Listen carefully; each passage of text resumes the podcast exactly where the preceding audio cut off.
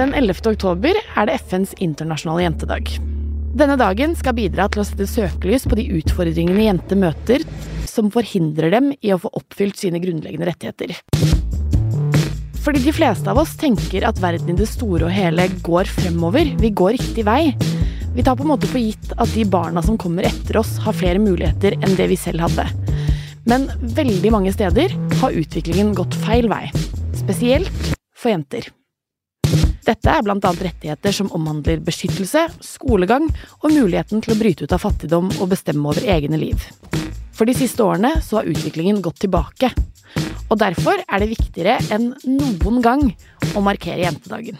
Og i dag har jeg lyst til å prate med noen bra damer om hvorfor det er så viktig å snakke om jenters rettigheter. Og de er Jenteprisen-jurymedlem Hege Yli Melhus Ask og programleder i P3 Morgen og for Jenteprisen Adelina Ibishi. Jeg heter Pernille Kjølberg Vikørn, og dette er Fore.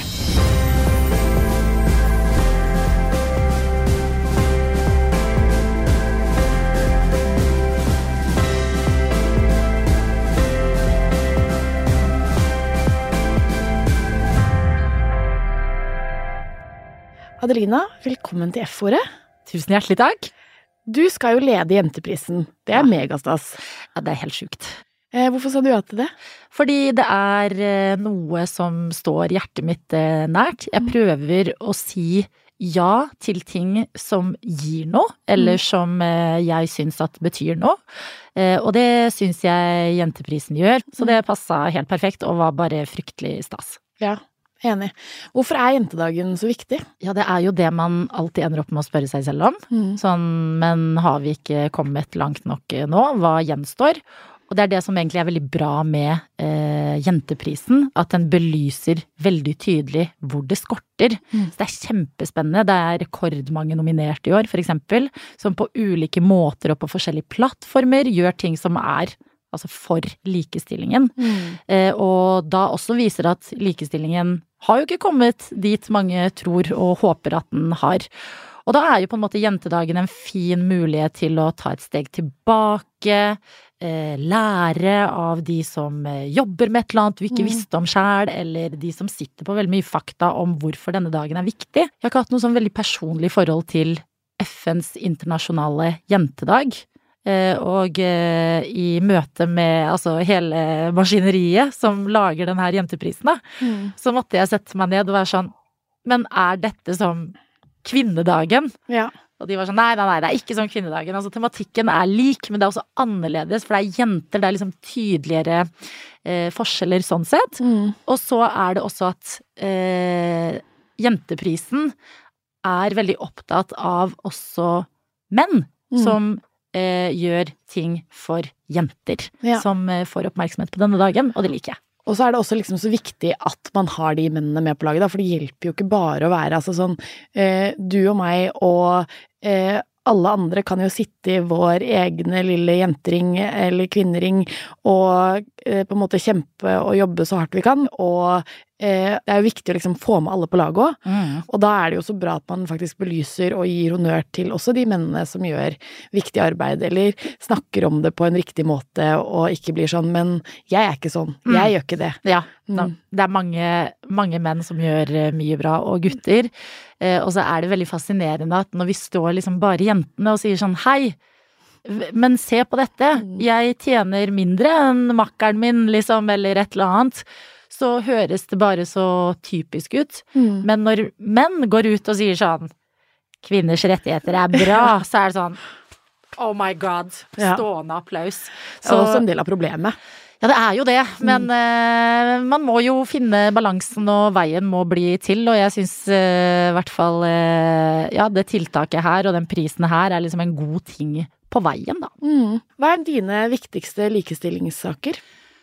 Åh, jeg kan bli interessert i så mye. Ja. Jeg, er jo, jeg har jo vokst opp med albanske foreldre, og albansk kultur er på en måte litt sånn heier mer på gutter enn jenter. Mm. Så vi er jo tre jenter i familien og har blitt oppdratt til sånn Dere skal gjøre hva dere vil, og dere kan gjøre alt dere vil, og jeg har prøvd å fokusere liksom på likestilling egentlig alle aspekter av eh, livet mitt, og studerte jo eh, internasjonale relasjoner og liksom samfunnsvitenskap og bare sånn hvorfor er det som det er? Eh, og eh, nå tenker jeg litt på det egentlig mest i sånn bransjen jeg jobber i. Mm. Jeg er jo programleder i P3 Morgen, og jeg syns det er veldig spennende med både liksom hvor mange kvinner er det som kommer på besøk for å promotere humorserier, for eksempel, i forhold til menn. Takk og lov for Amalie og Mathea, for Ja. eksempel, som kommer på banen, er unge og kule og får lov til å lage det de vil, og det er dritbra. Mm. Fordi at eh, det er så tydelig skjevt, da. Og det tror jeg ikke liksom egentlig man tenker på. Og det er jo liksom, vi hadde Gry Rusta inn her for å snakke om Barbie-filmen, og hun sa jo sånn hver gang jeg skal forske på noe, så må jeg også forklare hvorfor jeg skal forske på kvinner. Mm.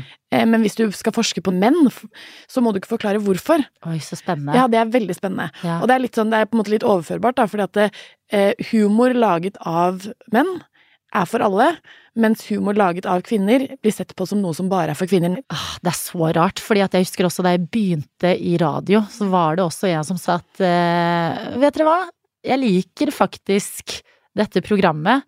Ofte når når det er bare jenter, så kan det bli litt sånn mensenradio. Ja. Men dette var bra. Ja. Det var før vi hadde liksom lært hva sånn backhanded compliments var, Ja. så man er bare sånn Takk, Ja. eller vet ikke helt, på en måte. Ja, for det er litt sånn, det er på en måte sånn bismak av det. Det blir på en måte et stikk til alle andre, Mm. på et vis. Men så er det også så mange ting man kan gjøre, og det er sånn som for eksempel i P3 Morgen som jeg jobber i, da. Mm. vi bruker så mye tid i kulissene på å gjøre den gjestelista liksom så mangfoldig som mulig. Og folk som hører på, tenker kanskje ikke sånn å, i dag var det en mann, eller å, i dag var det en jente. Men de skal få begge deler. Mm. Så jeg blir også veldig sånn motivert av eh, likestillingskampen, da. At det er Ja. sånn eh, Det er mye du kan gjøre, og det trenger ikke å være liksom så høylytt alltid. At det er liksom spennende å jobbe i kulissene og bare se hvordan det mottas også. Mm. Ja, for det er noe med det, da. Hvis du går ut og sier sånn 'vi skal gjøre dette', så kan det være sånn 'ja, da blir ikke det noe for meg'. Nei. Men hvis du bare gjør det, og så er det ingen som liksom har fått beskjed om det på forhånd, Mm. så eh, tar jo ikke folk de tankene. For det er typisk hvis, hvis det er noe vi hadde liksom sagt utad, Ja. så hadde det vært sånn her å herregud, P3 Morgen skal prøve å være så woke, men hvis du ikke nevner noe, Mm. men vi vet, vi som jobber med det, så, så ligger det i underbevisstheten, da. Men Mm. du blir jo også vant til å høre like mye jenter som menn Ja, ja. på radioen. Eh, Så det er kjempeviktig med representasjon i media, men det er så usexy tema å snakke om. Og det er også irriterende, men da må man bare tenke annerledes, da. Da Ja. må man liksom ta et steg tilbake og være litt lur i måten man gjør det på. Ja, absolutt. Har du vært i noen situasjoner der du liksom har kjent at eh, vi ikke er helt likestilt?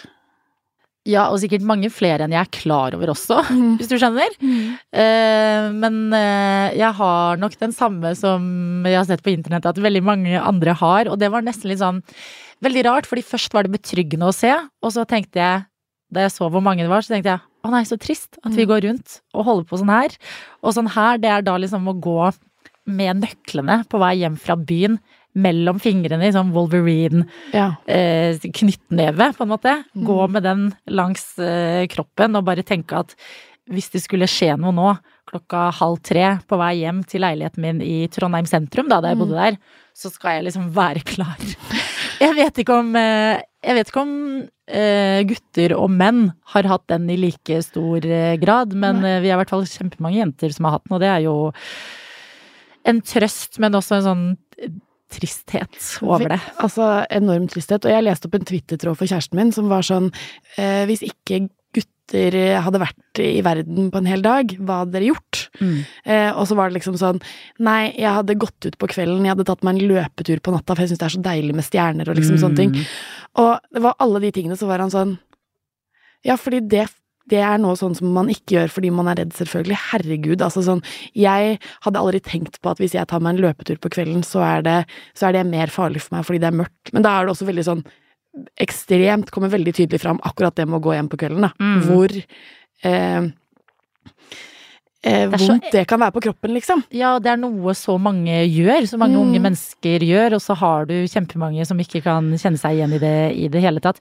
Men eh, det sier jo liksom litt, da. Mm. At eh, kjæresten din, som sikkert er opplyst og liksom eh, til stede, Mm. også må få noen sånne oppvekkere noen ganger. Ja, ja. Det er jo derfor, liksom, man må fortsette å si de samme tingene om og om igjen, og Mm. fortelle at dette er veldig vanlig for veldig mange, for å bare få liksom alle om bord på sånn Å ja, jøss. Ja. Er det sånn det er? Ja, for det er liksom sånn, selv om man ikke Selv om man er opplyst og fin og liksom sånne ting, så er det helt umulig å sette seg inn i det hvis du ikke har kjent det på kroppen. Mm. Men eh, kan jeg skyte inn en ting til, som jeg også syns er liksom sånn eh, Som bare den her praten minte meg om nå. Og det er for eksempel eh, alt det her med jenter og ADHD.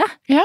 At jeg har vært liksom nok på TikTok til å tenke å gud, jeg har ADHD. Ja, ja, som er det man ikke skal liksom Du skal ikke lete etter diagnoser på TikTok i det Nei. hele tatt.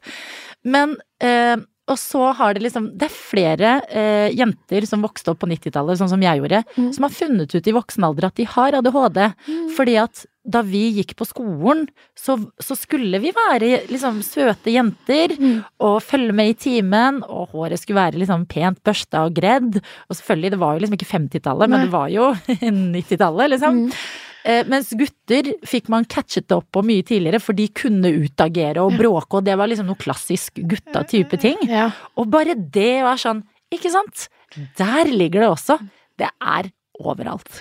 Overalt. Autismeforskning òg, for eksempel. Ja. Tidligere bare gjort på menn. Tenk på det. Mm. Så det er bra, det er bra ting går fremover, men det er det, da. At eh, det gjelder å hele tiden være klar over og liksom eh, være litt bevisst. Og aldri ta den derre lene seg tilbake og legge beina på bordet og tenke sånn Nei, der var jobben gjort. Fordi at det er liksom alltid en annen sted du Ja. kan snu, eller historie du kan høre fra noen som har et helt annet liv enn deg, og, og bare bli litt bevisst, da. Ja, Og uten den bevisstheten, så vet du i hvert fall ikke. Nei. Så å liksom eh, løfte de folkene som prøver å si noe, megaviktig. ja. Det er så innmari viktig. Og avslutningsmessig nå, hva er det viktigste vi skal sette inn støtet på for å bedre likestillingssituasjonen? Jeg er nødt til å si eh, kvinnehelse. Ja. Det er sånn, ja, vi snakket mye om det i fjor, men det er bare toppen av isfjellet. At vi er ikke ferdig med det bare fordi at vi tok en, eh, en debatt på det i fjor. Nei. Nå er jeg 30 år, og nå er det liksom flere venninner og sånn som begynner å få barn, og, og jeg er helt sjokkert over historier jeg hører. Og de har jo begynt å nå liksom eh, masse media også, om man kan kalle det det. Men der tror jeg det er så sykt mye mer som må forskes på, forklares, normaliseres, snakkes om. Mm. Den kan vi godt ha gående en stund, altså. Ja, det er jeg enig i. Men eh, Adelina, masse lykke til. Takk for besøket. Takk for meg! Vi har fortsatt en veldig lang vei å gå for å oppnå likestilling mellom kjønnene. Bare ref mensenradio og gå hjem fra byen. For å male et bilde av situasjonen i verden som den er i dag, så har jeg lyst til å dele noen skremmende og vonde og helt sinnssyke tall med dere. Hvert tredje sekund blir en jente giftet bort. Det er 12 millioner jenter i løpet av et år. 129 millioner jenter får ikke lov til å gå på skole, og det vil si at 75% av alle barn i barneskolealder som aldri setter sine bein på en skole, er jenter. Rundt 130 millioner jenter mellom 6 og 17 år går ikke på skole i det hele tatt. To tredjedeler av verdens analfabeter er kvinner.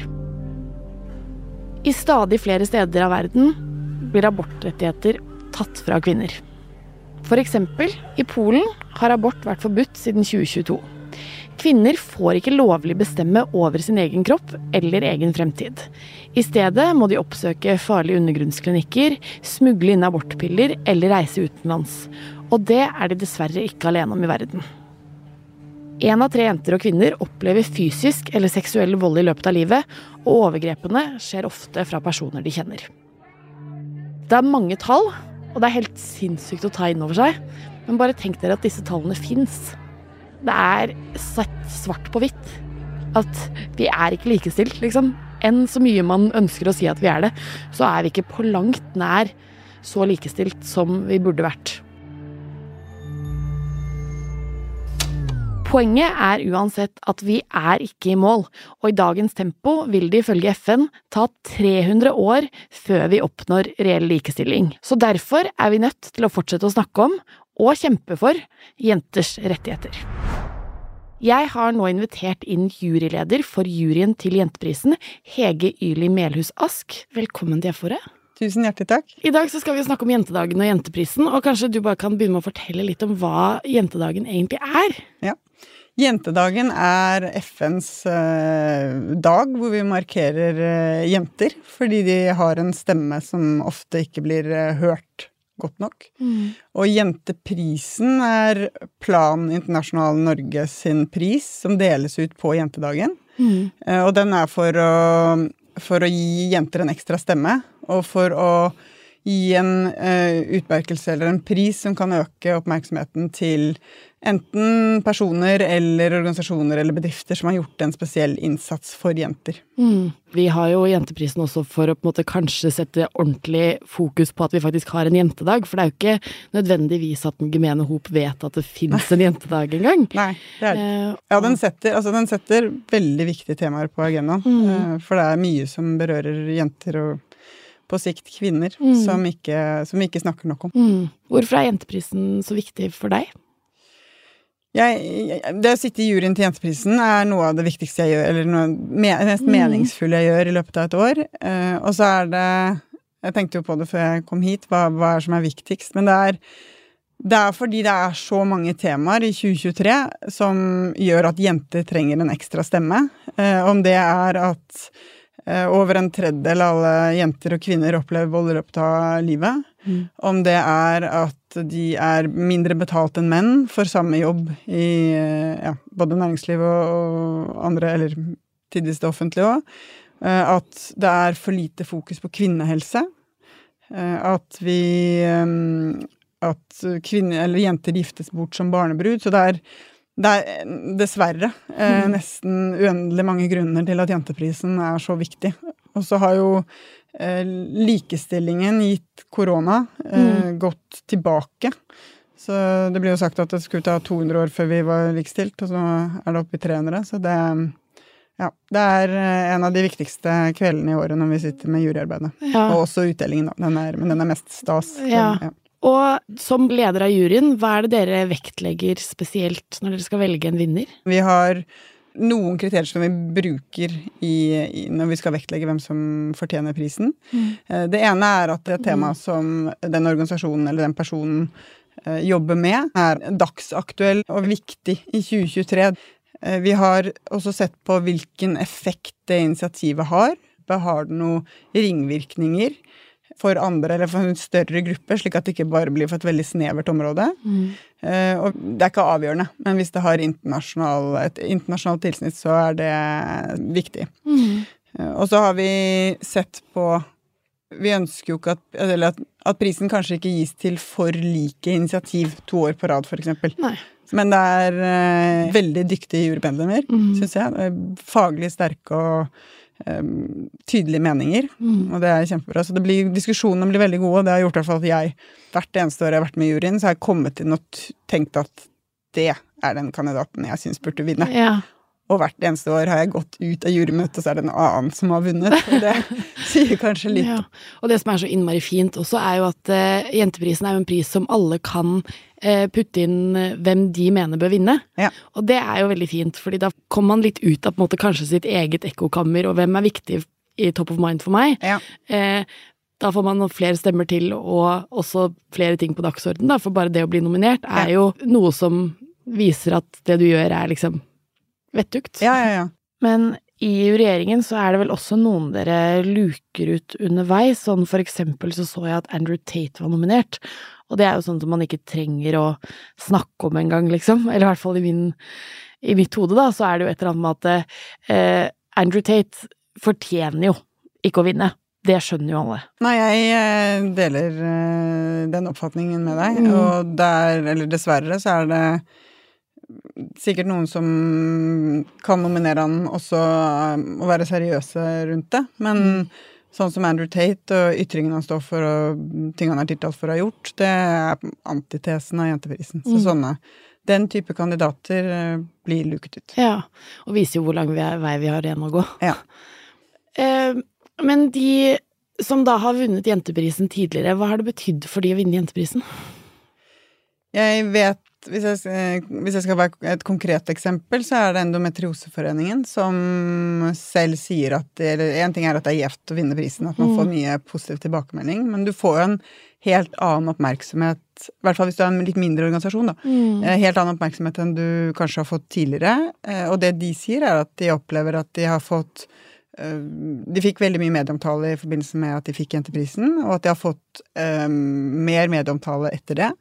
Og også faktisk at politikerne tar de enda mer seriøst. Så det, er, det, det ser man jo at kvinnehelse Det er i hvert fall mer eh, på agendaen nå enn det har vært tidligere. Så skal jeg ikke bare Det er, mange som jobber for at eh, det skal komme på agendaen. Men jeg tror eh, ja, Endometrioseforeningen opplever det som veldig positivt at de vant den. Og det er noe av det eh, juryen også ønsker, at man, at man gir en, en tydelig stemme til eh, Som kan brukes positivt for å fremme en sak som er viktig for jenter. Mm. Ja, nei, det er så fint. Eh, Og for et annet eksempel er da Stine Sofies stiftelse fikk Jenteprisen eh, for tre år siden. Da var det mm, også veldig i lys av at korona hadde vært, og hvor viktig den stiftelsen hadde vært i arbeidet med Det var flere jenter som var hjemme eh, store deler av tiden og opplevde vold i hjemmet. Da blir det eh, vanskeligere. Så det, å kunne bruke Jenteprisen til å sette oppmerksomhet på mm, så viktige temaer, Mm. eh, føler jeg. Det er viktig for oss. Ja, kjempeviktig. Hvor tror du sånn likestillingsmessig akkurat nå at skoen trykker? Ja, det, er, det er et stort, eh, stort spørsmål, men jeg tror jenter og utdanning det er et av de aller viktigste, for det gir som enorme ringvirkninger senere i livet. Og da er det kanskje Det er jo ikke Norge der hvor skoen trykker mest, men internasjonalt. Mm. Så det er jo planen også et viktig arbeid. Så jeg ville sagt utdanning, fordi det får så viktig, eller det får så store konsekvenser videre i livet, da. Ja. Men er det noe du personlig eh, brenner sånn ordentlig for når det kommer til likestilling? kvinnehelse er, eh, er noe av det som naturlig også berører mest, mest, fordi det er så lite forsket på. Vi vet så lite om jenter og kvinners helse sammenlignet med menns. Mm. Vi vet eh, vi vet litt, for lite om biologien, vi vet for lite om Eller vi er for dårlige til å kommunisere rundt det, og det syns jeg prisen i fjor til Endometrioseforeningen eh, virkelig viser. Hvor jenter i så mange år går med ekstreme smerter og ikke bli tatt seriøst og bli sendt hjem og få beskjed om å ta en Paracet eller to, liksom. Eh, og det skal være løsningen på et så det, det berører jo veldig mange når du begynner å se på statistikken, så ja. det, kvinnehelse er på en måte korte så, mm. Apropos mensen, som man Ja. skjule skjuler litt og ikke skal snakke om, og reklamen viser eh, blå mens istedenfor rød fordi det er for ekkelt å se. Og, ja. Så det er uh, veldig mye knyttet til kvinnehelse. Ja. Nei, det er jeg enig i. Da, kan jeg, da gjenstår det jo egentlig bare å si lykke til på Jurymøtet er i kveld, faktisk. Ja, ikke sant? Lykke til med jurymøtet, og ikke minst eh, lykke til med utdelingen. Takk. Mm. 11. oktober. 11. oktober, Mm. viktig dag.